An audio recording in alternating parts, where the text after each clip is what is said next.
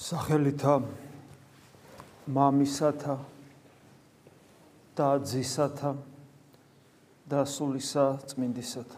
მიუხედავად ადამიანის სიამაყით და ამპარტავნებით დაავადებულობისა, მიუხედავად იმისა, რომ ჯერ კიდევ სამოთხეში ყოფნის დროს, როდესაც ადამა ღმერთს უღალატა, მის გულში დემონური თესლი აღმოჩნდა რომელმაც ناყოფად გამოიღო იმგვარი კაცობრიობა, რომელსაც ჩვენ დღეს ვხედავთ, რომლის გამოც უფალი ამბობს, რომ თავადი ამ სოფლის არის სატანა და წმინდა წერილი მოციქულის პირით გვეუბნება, რომ ნუ გვიყვარს ეს სოფელი და რაც არის მაშინა, იმიტომ რომ სიყვარული ამის სოფლის ამტრობა ღვთისა.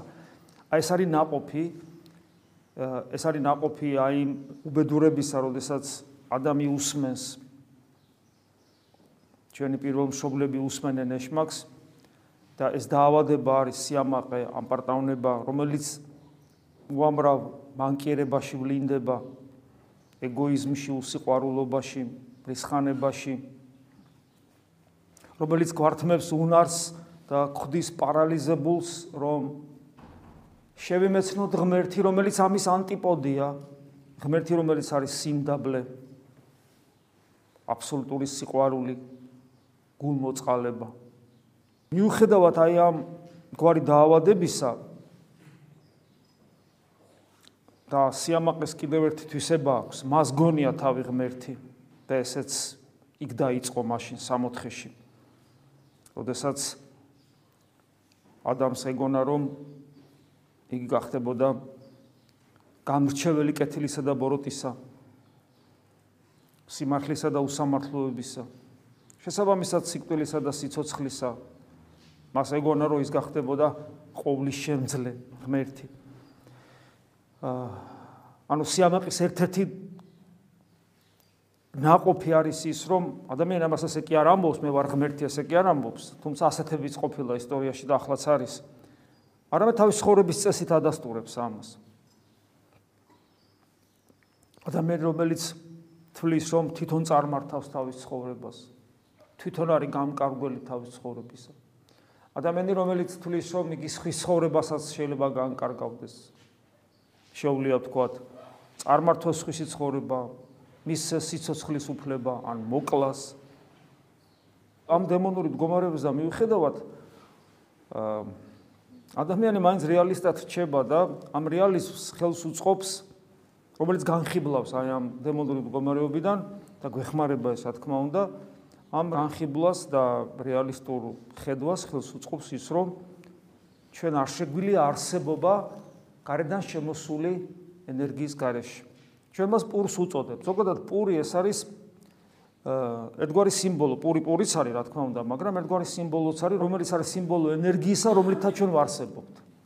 გარედან შემოსული ენერგია, რომლის გარეშე ჩვენ არსებობა არ შეგვიძლია.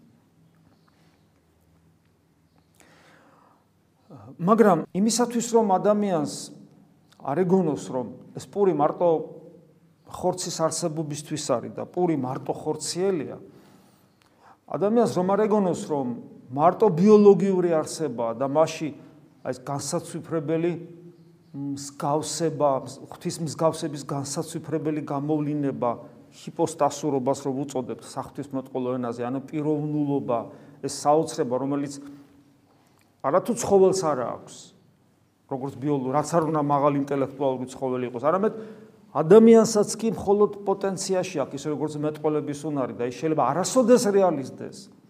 სუ მოყვას ხოლმე საწყალი ლუარსაბ თათქარიძის მაგალითი. ლუარსაბ თათქარიძე როგორც პიროვნება არასოდეს რეალიზებულა. ის პიროვნება პრინციპში ფაქტობრივად არის პოტენციაში იყო მაგრამ ფაქტობრივად არ იყო.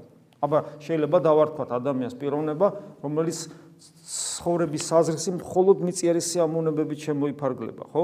და ეს შეიძლება განვავრცოთ მარტო საჭმელში ხო არ არის საქმე. ანუ პიროვნულობა, პიროვნულობა კიდევ მეორე, არათუ სხვა გონიერ გონიერს არა, უბრალოდ სხვა მაღალ განვითარებულ ცხოველებს არ აქვს, რომლისაგანაც თითქოს თითქოს ჩვენ წარმოვიშვით, როგორც საწყალი ათეისტები საუბრობენ, არამედ თავად ადამიანსაც კი შეიძლება ისე დაასრულოს თავისი სიცოცხლე, რომ მას ეს არ კონდეს. და აი ეს პიროვნულობა ადამიანი შეიძლება მასე საერთოდ არ ფიქრობდეს, მაგრამ ადამიანი რომელიც ხორციელ საზდელზე, ხორციელ პურზე უარ სიტყვის, ამით ის ქვეცნობიერად ადასტურებს, რომ მასში ბიოლოგიური ბიოლოგიური არსების გარდა რაღაც სხვა უფრო დიადია. აი, შეხოთაშორის მარხვის ერთ-ერთი დანიშნულება სწორედ ეს არის. არც ერთი ცხოველი არ მარხულობს. ну თუ ცუდად არის ცხოველის რაღაცა შეიძლება საჭმელი არ ჭამოს, მაგრამ გაცნობიერებული მარხვა, შეგნებული მარხვა, მოკლება საზდელისა ხანდახან, ხანდახან ფიზიკური ჯანმრთელობის საწინააღმდეგოთაც კი. და ამის მაგალითები ეკლესიის ისტორიაში ძალიან ბევრია. თუნდაც ჩვენი მოსაყვარლის წმინდანი იოსებ ისიქასტე. გაცნობიერებული მოკლება საზრდელისა და არა მარტო საზრდელისა, ძილისა მათ შორის, ამ ქვეყნიური სიამოვნებებისა და რაღაც რაც ხორცს განუსვენებს, რაც ხორცს ფუფუნებაში ამყოფებს, რაც ხორცს დიდხანს სიцоცხლის შესაძლებლობას აძლევს. ნუ ადამიანი ესე ფიქრობს, ხო? და ადამიანი მიზან მიმართულად შეგნებულად შეიძლება ამ ყველაფერზე უარს ამბობდეს და იკლებდეს. უკვე ეს იმას ნიშნავს, რომ ადამიანი არ არის ცხოველი, ადამიანში არის რაღაცა დიადი, რომელიც მის ფიზიკურ, ბიოლოგიურ არსებობაზე გაცილებით აღმატებულია. და ანუ ადამ და მარხვაც ეს არის, ხო, სწორედ, რომ როცა ადამიანი ხორცელს იკლებს. და ესე იგი ადამიანს ჭირდება გარდა ხორციელი პურისა და გარდა ხორციელი ენერგიისა სხვა საზდელი. სხვა საზდელი, რომელიც არ არის მატერიალური პური. აი სულიერ ცხოვრებაში აი ამ სხვა საზდელის განცდა, დანახვა, ამ სხვა საზდელის ჩვენში საჭიროება არის უმნიშვნელოვანესი. თუ ქრისტიანმა ისე იცხოვრა ქრისტიანული ცხოვრებით, რომ მან ვერ გაიგო გამოსtildeებით არ იცის, რას ნიშნავს ქიოდეს და გწყურობდეს ღმერთი, როგორც სხვა საზდელი. იმიტომ რომ დიახაც ესია, უფალი ამბობს, მე ვარ პური, მე ვარ პური. თუ ადამიანს ამის გამოცდილება არ აქვს, თუ ადამიანს არ შეა და არ წყურია, თუ ადამიანს არ ტკივა, რომ არ აქვს ეს პური, უნდა და არ აქვს. ჩვენ ხო გამოგვიცდია ხორცელის შიმშილი რა არის?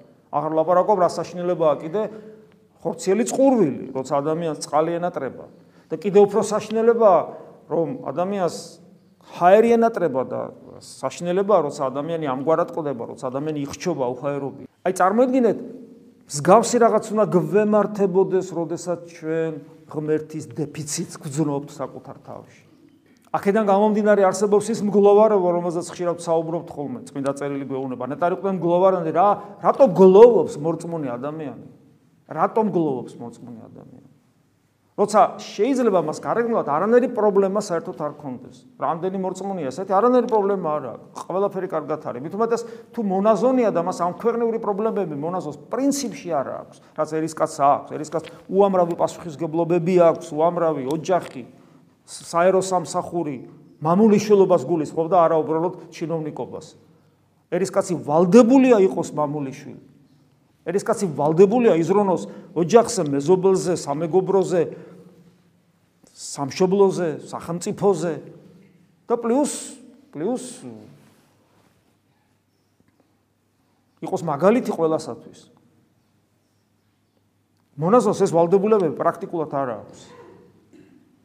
და წარმოიდგინეთ მონაზონი რომელსაც არანაირი ესეთი ვალდებულება არ აქვს იგი შეიძლება იტანჯებოდეს იმ დონეზე რომ გლოვარებდეს და რის გამო მგლოვარობს მონაზონი? სწორედ იმის გამო, რომ შია, წყურია, სუნთქვა ენატრება და არ აქვს, არც საჭმელი აქვს, არც სასმელი აქვს, არც ჰაერი არ აქვს, და საჭმელსაც, სასმელსაც და ჰაერსაც იესო ქრისტე ქვია. გახსოვთ როგორ ამბობს წმინდა ნიკოლოზ კავასილა, ეს უდიდესი წმინდანია. და სულ გირჩევთ რომ მისი წიგნები წაიკითხოთ. ბევრი არ დაუტოვია ყოველ შემთხვევაში ჩვენ ბევრი არ დაგჭა მისი ნაშრომები. ქართულად საერთოდ თუ არის რამე მგონი არც არაფერი სამწუხარო და ის ამბობს ჩვენ ვჭამთ ვსვამთ და ვსუნთქავთ იესო ქრისტეს. აქ არის მინიშნება ევქარისტიაზე და გონების მიერ ლოცვაზე და რატომ არის საჭმელი, სასმელი და სუნთქვა აქცენტირებული? იმიტომ რომ ამ სამი რამის გარეშე ადამიანს ხორციელად არ შეუძლია და ასევე არ უნდა შეგვეძლოს ჩვენ ქრისტეს გარეშე. ღმერთმან უქნას რომ თქვენი და ჩვენი ქრისტიანობა ისე განვითარდოს, რომ ჩვენ ეს თეორიულად ვიცოდეთ, ხოლმე აა აი ესე ყოფილაო. ღმერთმა მოგცეს ძალა და მადლი დავტანჯულიყავით, შიმშილით, წყურვილით და უჰაერობით, რომელსაც იესო, იესო, იესო ქრისტე ქვია. დავტანჯულიყავით აი ამ შიმშილით, აი ამ წყურვილით და აი ამ უჰაერობით, რასაც იესო ქრისტე ქვია. ღმერთმა ქნასო ჩვენ მუდამ გლოვარებდეთ და ისე გლოვარებდეთ რომ ამ ქვეყნიური ტკივილები აღარ გვახსოვდეს. ეს არის მოწამეობრივი გზა, რომელსაც ქრისტიანმა გადიოდეს. აი დღესაც წავიკითხეთ ძალიან საინტერესო სახარება, რომელიც სწორედ აი ამ თემას ეხება. უფალი ამბობს, იქმოდეთ ნუ საზდელსა, წარსაწმედელსა, არამედ საზდელსა, რომელიც გიეს ცხოვრებად საუკუნოდ. საზდელი, რომელიც მარადილ სიცოცხლეში შეგვიყვანს. და ამ საზდელს გვაძლევს ძე კაცის, ანუ ქრისტე გვაძლევს.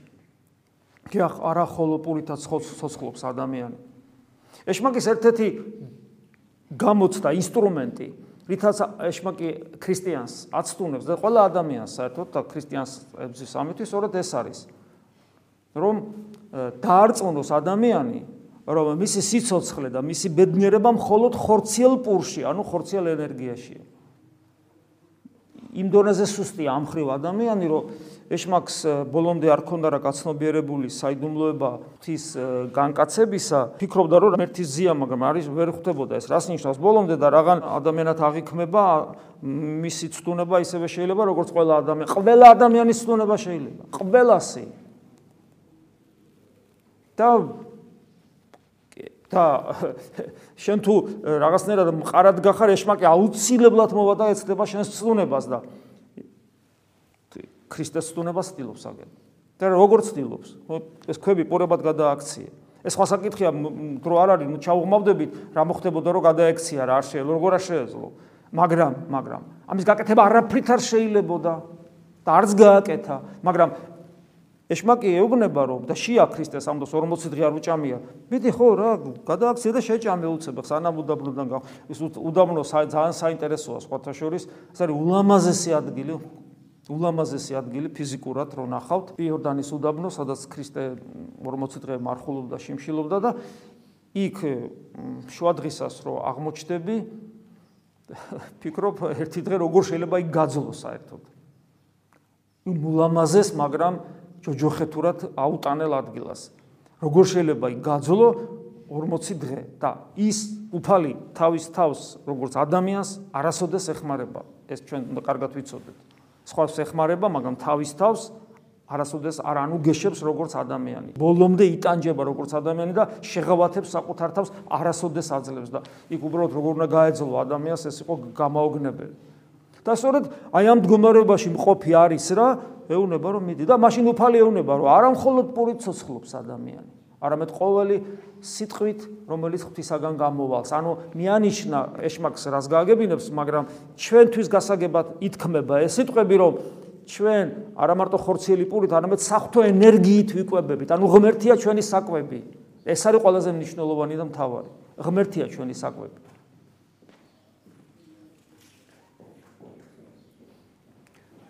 ღმერთია ჩვენი საკვები. ესე იგი ჩვენ ჩვენგან რაღაცა აქტიურობა როგორც ხორციელ საკვებს მოძიება ჭირდება და შრომა ჭირდება, ასევე სულიერი საკვების მოძიებასაც შრომა ჭირდება. ეს ჯერ კიდე 64-ში გვაქვს ჩვენ მოცემული, რომ უნდა შრომობდეთ და ნაშრომს უნდა ვიცავდეთ და ვინახავდეთ.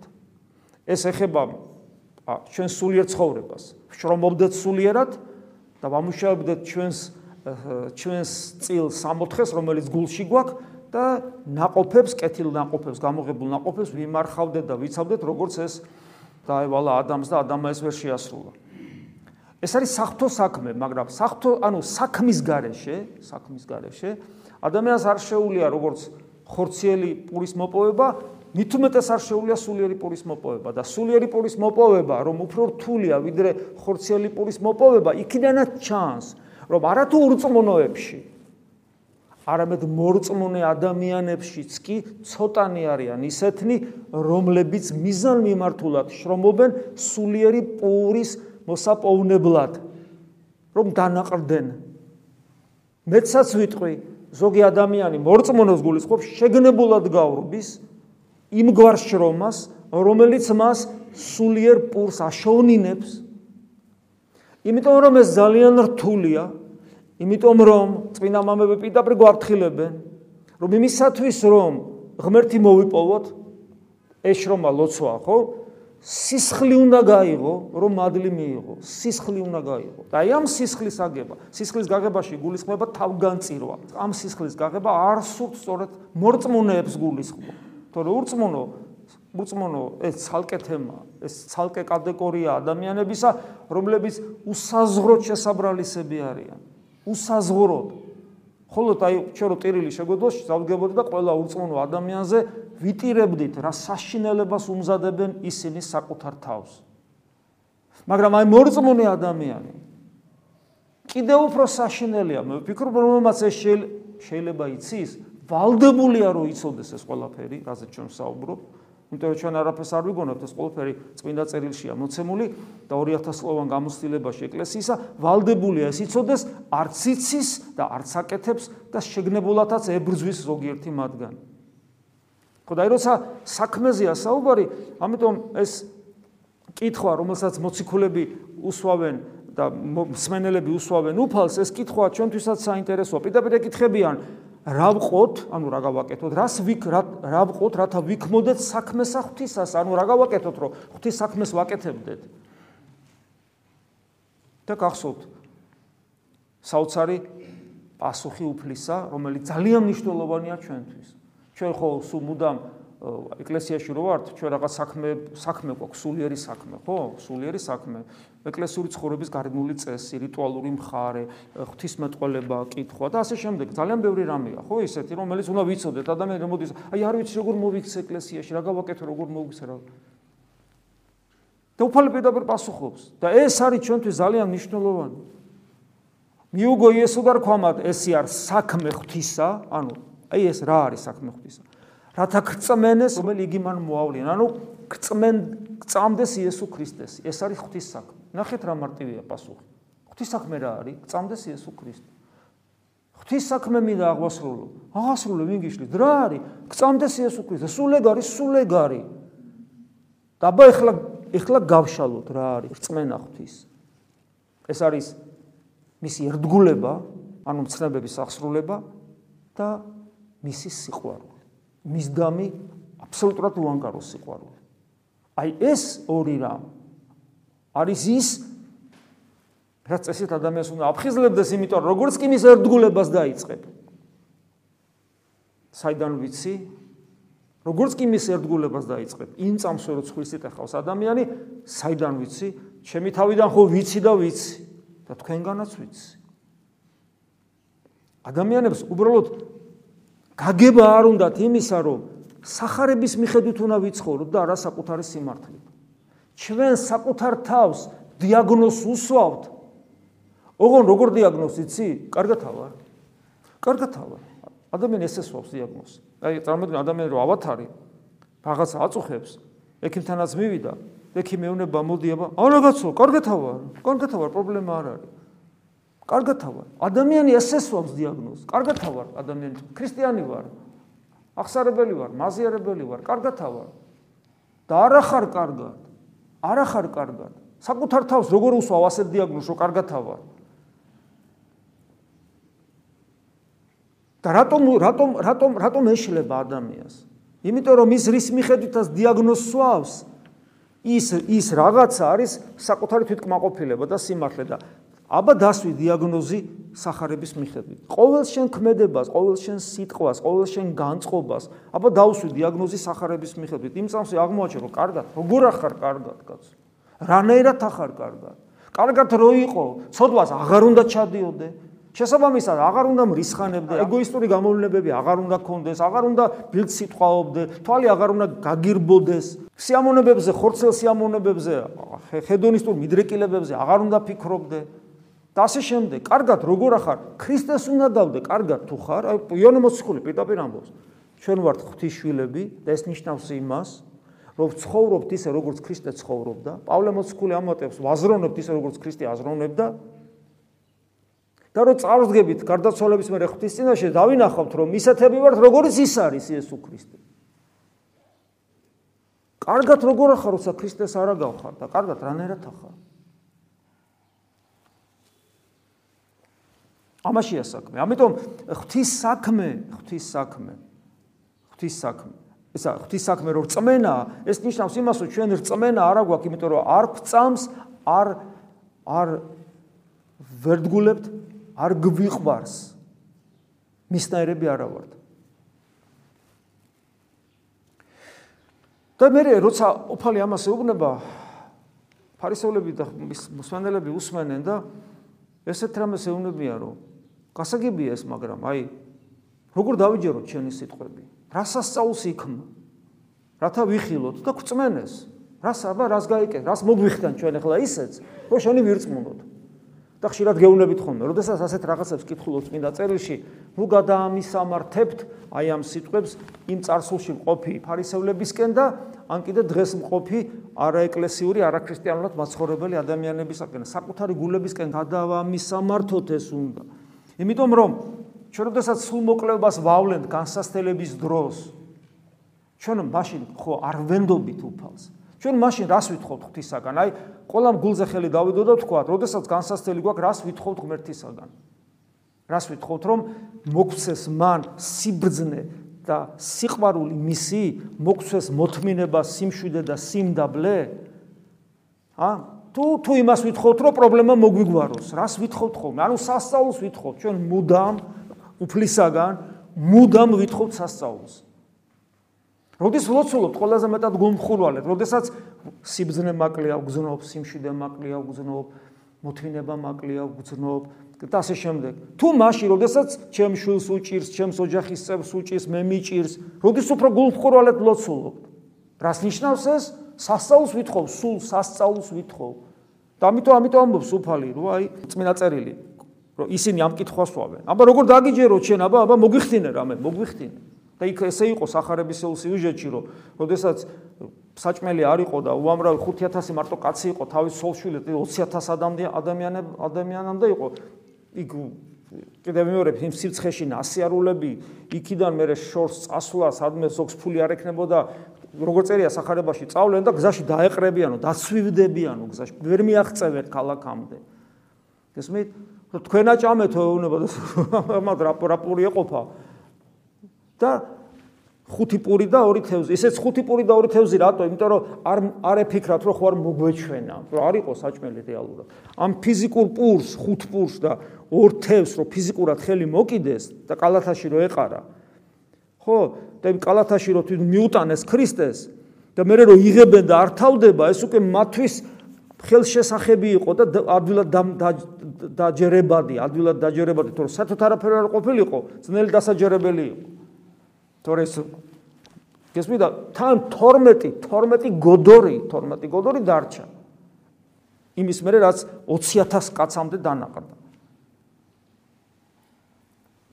და მიუხედავად ამისა, მიუხედავად ამისა, ეს ყველაფერი უსება ავიწყდებათ ადამიანებს. და როდესაც უფალი სხვა რამეს ითხოვს, აი ნახეთ, როცა ეს გააკეთა, დაანაყრა, მოეწონათ და გადაწყვიტეს, მოდი მეფედ დავადგინოთ. მეფეთ რატო? გვაჭამოს, გვაჭამოს, გვაჭამოს და უფალი რას ეუბნება? თქვენ იმიტომ კი არ მეძებთ, რომ ღვთისაგან ნიშანი იხილეთ, სასწაულს ახსენებს. ღვთისაგან სასწაული ნიშანი, ღვთისაგან ნიშანი, ღვთისაგან ნიშანი, რომ ეს მე ვარ. ეს კი არ გაინტერესებთ. ქშიოდა და დანაყრდით. და თქვენ გინათ რომ მე თქვენი მეფე გახვდეთ, სულ რომ ესე მუქთად გაჭამოთ. და მაშინ ეუბნება, ნუ ფიქრობთ მარტო მიწიერ საზდელზე, არამედ სხვა რამეზე იფიქრეთ, რომელიც მარადიული სიცოცხლის წაგიყვანთ. აი ას ასე ცდილობს უფალი ამას ასე ცდილობს განუმარტოს მას. და როგორც კი, როგორც კი, ეუბნება რომ მიწიერი საზდელი კი არა, რომლისათვისაც თქვენ ჩემი მეფობა გინათ, არამედ სხვა რამე მარადულ სიცოცხლეზე იფიქრეთ, იმიტომ რომ ეს მე ვარ. იმ წამსეუნებიან, აბა, აბა რითი დაგუმტკიცებ? აბა სასწაული მოგვიხდინე. გესმით? ეს არ აკმაყოფილებთ. სხვა რაღაცა ჭირდებათ. ხო და აი ეს სხვა რაღაცა სხვა რაღაცა. ნიშანი, ნიშანი. ნიშანი ჩვენ და ვიცოდეთ, რომ ეს ნიშანი არის აუცილებლად ტრანსცენდენტული.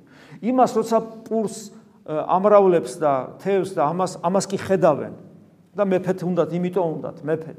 მაგრამ ოდესაც უფალი მარადილზე ელაპარაკება, უკვე ვეღარ ხედავენ. რატო? იმიტომ რომ ის მარადილის ნიშანი, ანუ წარსაწყმედელი, ანუ დროებითი პური გასაგებია, ხელს მოკიდებს შეჭა, მაგრამ აი მარადიული პური რომ აღიქვა და შესაბამისად ღვთისაგან ის ნიშანი მოვიდეს, რომ რაც მიგანიშნებს, რომ ქრისტე ის არის. ამას ჭირდება სხვა ნიშანი და ეს სხვა ნიშანი არის ტრანსცენდენტული, სამყაროს მიღმიერი. აი ნახეთ როგორ ეუნება. თქვა მათიესო ამინ ამინ გეტყვით თქვენ მამამან ჩემმა მოგცა თქვენ პური ჭეშმარიტი ზეცით რამე თუ პური ღვთის არის რომელიც გარდამოხდა ზეცი და მოსცა ცხოვრება ანუ სიцоცხლე სოფელსა. ანუ ზეციურ პურზე ლაპარაკება რომელიც ზეც ზეცა ეს მარადიული ყოფიერება. და ქრისტე რომ ღმერთია და რომელიც ჩვენში შემოვიდა, ამას გვიდასტურებს თავად ღმერთი. წინაწერილი გვასწავლის, რომ თავად სულიწმიდა ღმერთი გვიდასტურებს ქრისტეს ღმერთობას და ჩვენს ღმერთისადმი შვილობას. ანუ ეს ჩვენი ტრანსცენდენტულ ყოფიერებაში გარდასვლა დასტურდება თავად ღმერთით, მაგრამ ეს ხომ უნდა იგზნო და ეს ხომ უნდა განიცადო. რამდენ ჩვენგან შეუულია ღმერთი განიცადოს საკუთარ თავში? და შეგვიძლია თუ არა რომ ღმერთი ვიგზნოთ? მე მინახია და მომისმენია თვით დაღვინებული, ну, დაღვინებული ბჭყალებში ხო არ ჩავსვა ჯობია. დაბერებული ჯობია, ასე დაბერ ეკლესიაში დაბერებული ადამიანებისგან მომისმენია, რომ ღმერთი ახლა როგორ უნდა იგზნო კაცო? აი ეს უნდა წაიკითხო და თუ ირწმუნებ რა წერია, ეგ არის და ღმერთი როგორ უნდა იგზნო? და თუ ვერ იგზნობ ღმერთს საკუთარ თავში, ესე იგი შენთვის ღმერთი ხომ არ არსებობს? ეს ვის არ არსებობს ღმერთი შენთვის თუ შენ ღმერთს ვერ აგზნობ? შენ სიცოცხლესთან თუ ის არ შემოდის კავშირში, როგორ რას ნიშნავს შენთვის? რა არის ღმერთი? ფილოსოფიური რაღაც კატეგორია არის, მეტი არც ნაკლები. აი ტრანსცენდენტული ნიშნის განცდა შეგვიძლია თუ არ შეგვიძლია? ეს ვით რა პრობლემის ჩვენ პრობლემის წინაშე დგავარ. და აქ კიდევ ერთი ნიუანსია, ეშმაკმა ეს ყველაფერი იცის. და როცა შენ ეძებ სხვა ნიშანს, არა მიწიერს, არამედ სხვა ნიშანს, იმანაც იცის რომ შენ სხვა ნიშანს ეძებ.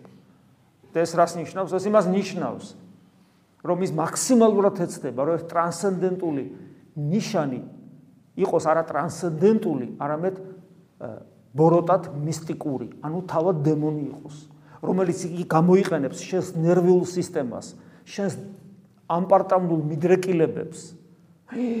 ღმერთი განვიცადა. შენს ფსიქოს ფსიქოსომატურ წყობას, შენ ისტერიულ მდგომარეობას გამოიყენებს და რაღაცა სუბიექტურს განგაცდევინებს, რომელიც შენ გეგონება, რომ ღმერთია. და ჩვენ ამას ყოველთვის გეუბნებით. ეს არის ხიბლი ზუსტად. მრავალი ადამიანი დაუღუპია, მრავალი ადამიანი. მე მინახავს დაღუპულია, მე მინახავს დაღუპული ადამიანები. მეც ბერჯელ ზღვარზე ვდგავარ. აი ამ დაღუპის, ამიტომ ეშმაკი ყველას გვებრძვის. და ისეთი ადამიანები დაუღუპავს. რომ გაოგნებულ ხარ და შეკშინებ აიმე ეს თუ დაიღუპა. და დაღუპა ეს კი არ არის რომ დაიღუპა თუ არ დაიღუპა. ადამიანს ბოლომდე აურევია. ისეთი რაღაცები ჩაუდენია დაღვინებულ მონაზონმა. შეიძლება ისეთი რაღაცები ჩაიჯეროს გაოგნდე უყურებრებს აკეთებს ეს ადამიანი. ერისკაცებსაც ასევე რატო? იმიტომ რომ ეშმაკი არაზოს არ გვეშვება, ის ყოველთვის ცდილობს, რომ ესე იგი მოგვატყილოს. ამიტომ ყოველთვის ვამბობთ ხოლმე, რომ როგორ როგორ გავიგოთ ჩვენ ეს ტრანსცენდენტულია ჩვენში ნიშანი რაც არის ტრანსცენდენტ ტრანსცენდენტული მხოლოდ ღმერთია, სხვა ტრანსცენდენტობა არ არსებობს. ის ტრანსცენდენტული ნიშანი მართლა ტრანსცენდენტული ანუ ღმერთია თუ თუ თუ ბნელი მისტიკა, შავი მისტიკა, დემონური. როგორ მივხვდე მე ამას? იმიტომ რომ ეშმაკი ღმერთის მაიმუნიაო, წინა მამები ამბობენ ის და პავლე მოციქულის ამბობს სინათლის ანგელოს სახებს იღებსო. ის ბაძავს რაღაცნაირად ცდილობს ვითომ ღმერთია, ვითომ ღმერთია ესე გააკეთოს. როგორ მივხვდეთ? მოყვასი, მხოლოდ მოყვასი. სხვა კი, სხვა ინსტრუმენტებიც არის, ოღონის ფრთულია. მარტივი ინსტრუმენტი მოყვასი. დავაკვირდეთ როგორი ურთიერთობა გვაქვს მოყვასთან. აღმოვაჩენთ. აღმოვაჩენთ რომ ძალიან ხშირ შემთხვევაში ჩვენში რაღაცა რომ არის ის ღმერთი არ არის, იმიტომ რომ ან თუ არის ის ჩვენი არ არის, ანუ ჩვენი სიცოცხლე არ არის. ანუ ღმერთი შეიძლება არის ხშირად აბა აქ რატო ვართ, მაგრამ ჩვენი არ არის, ჩვენი ჩემ მე კი არა ვარ ცოცხალი, ჩემს სოცხობს იესო ქრისტე, ანუ ჩემი სიცოცხლე და ქრისტეს სიცოცხლე, ჩემი ნება და ქრისტეს ნება თანხვედრი არ არის ერთმანეთთან. გესმით? არ არის და როგორც კი იმიტომ რომ ჩემი კიდე რაღაცა მაქვს და პლუს ამას ემატება ჩემი პირადი სუბიექტური გამოცდილება რომელიც შეიძლება იყოს უფრო დემონური და საიდან ჩეს მოყვასთან ურთიერთობაში. ამიტომ ყოველთვის გადავამოწმოთ საკუთარი თავი მოყვასთან ურთიერთობაში. უფალმა გითხრა ეს. ორი მცნება გიყვარდეს ღმერთი და გიყვარდეს ადამიანი. და ადამიანის სიყვარულზე ამ მცნებაზე თქვა პირველის მსგავსი, ანუ ღმერთის სიყვარულის მსგავსია გიყვარდეს ადამიანი. რომ ამ მეორეთი პირველი დასტურდება. და პირველი მეორეს გარანტია. ანუ ეს ცალ-ცალკე არ არსებობს. და ესეც არის, ხო, ჩვენ ღმერთი მოვიდა ადამიანად. ცალკე ღმერთი და ცალკე ადამიანი აღარ არის. ღმერთი და ადამიანი ერთად არის, მარადიულად. არ შეიძლება გიყვარდეს ღმერთი და არ გიყვარდეს ადამიანი და პირიქით. აი ამ ნიშანს ტრანსცენდენტულ ნიშანს სულ უნდა ვეძებდეთ და ამიტომ უფალს ეუნებიან. უფალო მარადის მოგვეცი ჩვენეს პური მარადის. ეს ტრანსცენდენტული ნიშანი. ტრანსცენდენტული ნიშანი თავად ღმერთია და ჩვენ ამას უნდა გვინდოდეს ეს სულ და სწორედ ეს არის. ნეტარი ყმე მშიერი და მწყურვალი სიმართლისათვის. მუდამ უნდა გსურდეს ეს. ვინც სწორად ეძებს ის პოულობს დიახაც. და ამიტომ უფალი ამბობს ქვამათი ესუ მე ვარ პური ცხოვრებისა, ანუ სიცოცხლის პური ვარ მე ქრისტე ამბობს, და რომელი მოვიდეს ჩემ და არა შიოდეს, და რომელსაც წმენეს ჩემი არასა და წყუროდეს. და რადგან ჩვენი მდგომარეობა ისეთია, რომ აი ამ გზაზე ვდგავართ, ეს გზა ნიშნავს იმას, რომ რადგან მე აშკარად ქრისტიანს არ ვგავარ, ჩემი შინაგანი მდგომარეობი და ჩვენ უნდა ვიცნობდეთ საკუთარ თავს. ადამიანი რომელიც საკუთარ თავს არ იცნობს და არ ვიცნობ საკუთარ თავს, ერთ-ერთი ხიბლის მდგომარეობა ეს არის, რომ ადამიანი არ იცნობს საკუთარ თავს, თავის თავი გონია, ნუ რაღაცა. და როცა ნელ-ნელა ადამიანი საკუთარ თავს გაიცნობს, აღმოჩნდება, რომ ის ქრისტიანს არ გავს, შესაბამისად, იგი იწყებს უფლის ძიებას, როგორც კი ადამიანი იწყებს უფლის ძიებას და ყველაზე ძლიერი ინსტრუმენტი ეს არის გონების მიერი ლოცვა, რომლითაც ცოცხლდება ევქარისტია, ღმერთს ვინც ეძებს, ეს ღმერთის ძიება საქმეში ვლინდება და საქმე ეს არის მწამდეს იესო ქრისტე და რწმენა იესო ქრისტე რაც ავიკითხეთ, თუ რა არის საქმე? საქმე არის მწამდეს იესო ქრისტე და მწამდეს იესო ქრისტეს რა ხო აბსტრაქცია ხო არ არის, რას ნიშნავს მწამდეს? მწამდეს ის როგორც ღმერთი და მე მას უჯერებ. მე თუ მას უჯერებ, და მე თუ ვიცი რომ იესო ქრისტე ღმერთია მისკენ მივისწრაფი ის არის სიцоცხლე ის არის ჭეშმარიტება ის არის გზა და ეს ყველაფერი არის ჩემში და ბუნებრივია მწამდეს ნიშნავს რომ მე მას ვეძებდე საკუთარ თავში როგორც კი ადამიანი ამის კეთებას იწყებს აღმოაჩენს აღმოაჩენს რომ ვერ წვდება მას ვერ წვდება ის უხილავად რჩება გამოუთქმელად რჩება მიუწდომელია საიდუმლოებით დაფარულია და ხანდახან ხანდახან ეხება ჩემს გულს და ეს შეხება კიდე უფრო მადას აღმიძრავს. როცა ის ეხება ჩვენს გულს, მე მე ხვდები რომ ის გარეშე ცხოვრებას აზრი არ აქვს, მე მეტ ნაბიჯს ვდგავ, მაგრამ მე ჩემი ყოველ ნაბიჯი ხელმოცარული აღმოჩნდება და იწყება ადამიანის ტანჯვა. აი აქ ჩდება შიმშილი და წყურვილი. ჩვენ უნდა გვშიოდეს და გწყუროდეს. დღეს ჩვენ მდგომარეობა ისეთია, რომ თუ ჩვენ გვშია და გწყურია, ჩვენ ნეტარე ნეტარნი ვართ, სწორგზაზე ვდგავართ. ხოლო დადგება და როცა ჩვენ განძღებით, ეს იქნება ჩვენი განხთობილი მდგომარეობა. ოღონ ეს განხთობილი მდგომარეობა იქნება ისეთი, რომ განძღებით, მაგრამ კიდე მეც და მეც დავიტევთ და ასე უსასრულოდ არასოდეს არ დასრულდება უფლის მიერ განძღობის ჩვენი პროცესი, რომელიც ჩვენ სიცოცხლეს საოცარი დიდებულებით გაამრავლებს გაამრავლებს და კიდე მეტად გაამრავლებს და ამას დასასრული არ ექნება. ეს არის მარადიული სიცოცხლე. მაგრამ ეს ყველაფერი იწყება აი აქ, სწორი ხედვით, სწორი ნაბიჯებით, გონივრულობით, სიბრძნით, რომელიც ერთ-ერთი თავარი გამოვლინება თუ სწორგზაზე ვდგავარ და ნიშანი, ეს არის შიმშილი და წყურვილი იესო ქრისტესი. და ამით ტანჯვა ტანჯვა, ეყუნეს ტანჯვა, სიხარული თავდება, ეს გლოვარება ნუგეშინის ცემული იქნება. ეს უცნაური პარადოქსალური მდგომარეობა ადამიანისა, მაგრამ აი ასეთია ქრისტიანობა. შეგვეციო სუფალი და ბოქსეს ზალა რომ მუდამ მუდამ ვეძებოთ იგი როგორც ჩვენი ცხოვრების საზრისი. მუდამ ხარობდეთ მისით და მუდამ ბედნიერობდეთ. ამინ. მადლი უფლისა ჩვენისა იესო ქრისტესი და სიყვარული ღვთისა და მამისა. და ზიარება სული საწმინდისა იყოს თქვენ ყოველთა თანა. ამინ. ქრისტე აღსდგა